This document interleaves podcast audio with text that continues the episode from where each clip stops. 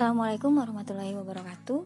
Ya, perkenalkan teman-teman semuanya, aku Lutfi dan ini adalah channel podcast aku yang insya Allah ke depannya akan aku bacakan tulisan dari teman-teman yang lainnya yang aku temui di sisi sosial media, entah mungkin Instagram, Facebook, Tumblr, atau mungkin Pinterest yang aku rasa bermanfaat bagi diri aku terutama dan bisa aku bagikan ke teman-teman yang harapannya ini juga bakal bisa bermanfaat buat teman-teman semuanya.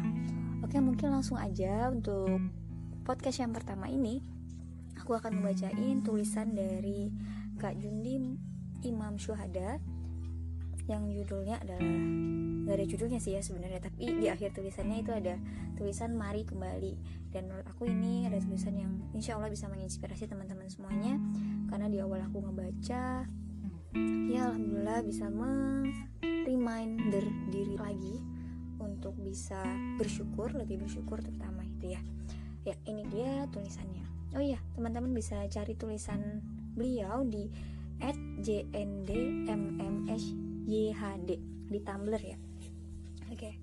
Terlalu sibuk melihat apa yang Allah berikan pada orang lain menjadikanmu semakin buta pada apa yang Allah telah berikan padamu.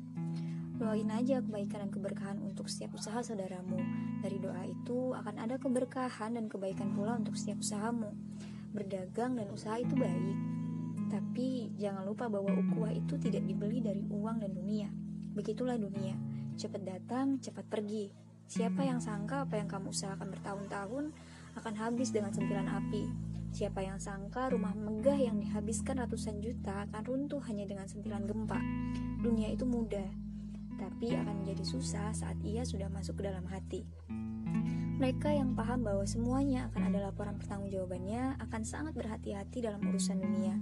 Yang diusahakan tidak akan dibawa mati, tapi yang ditelantarkan justru akan menjadi pertanyaan ilahi nanti.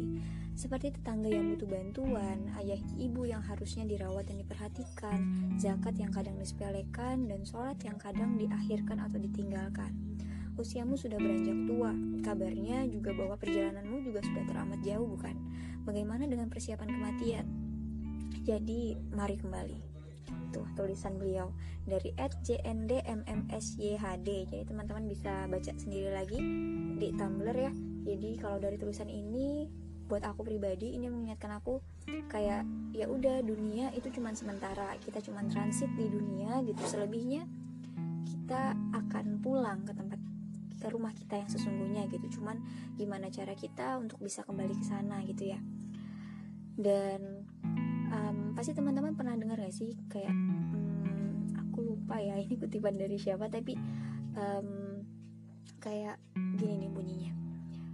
Letakkanlah dunia di tanganmu dan letakkanlah eh salah ding. Pokoknya letakkanlah dunia di tanganmu gitu jangan di hatimu gitu ya pokoknya jangan sampai dah masukin dunia ke hati gitu wah bahaya gitu kan. Karena ya cukup lah yang di hati di hati kita nih isinya bekal untuk pulang nanti. Bagaimana um, kita mengumpulkan bekal untuk nanti bertemu sama Allah.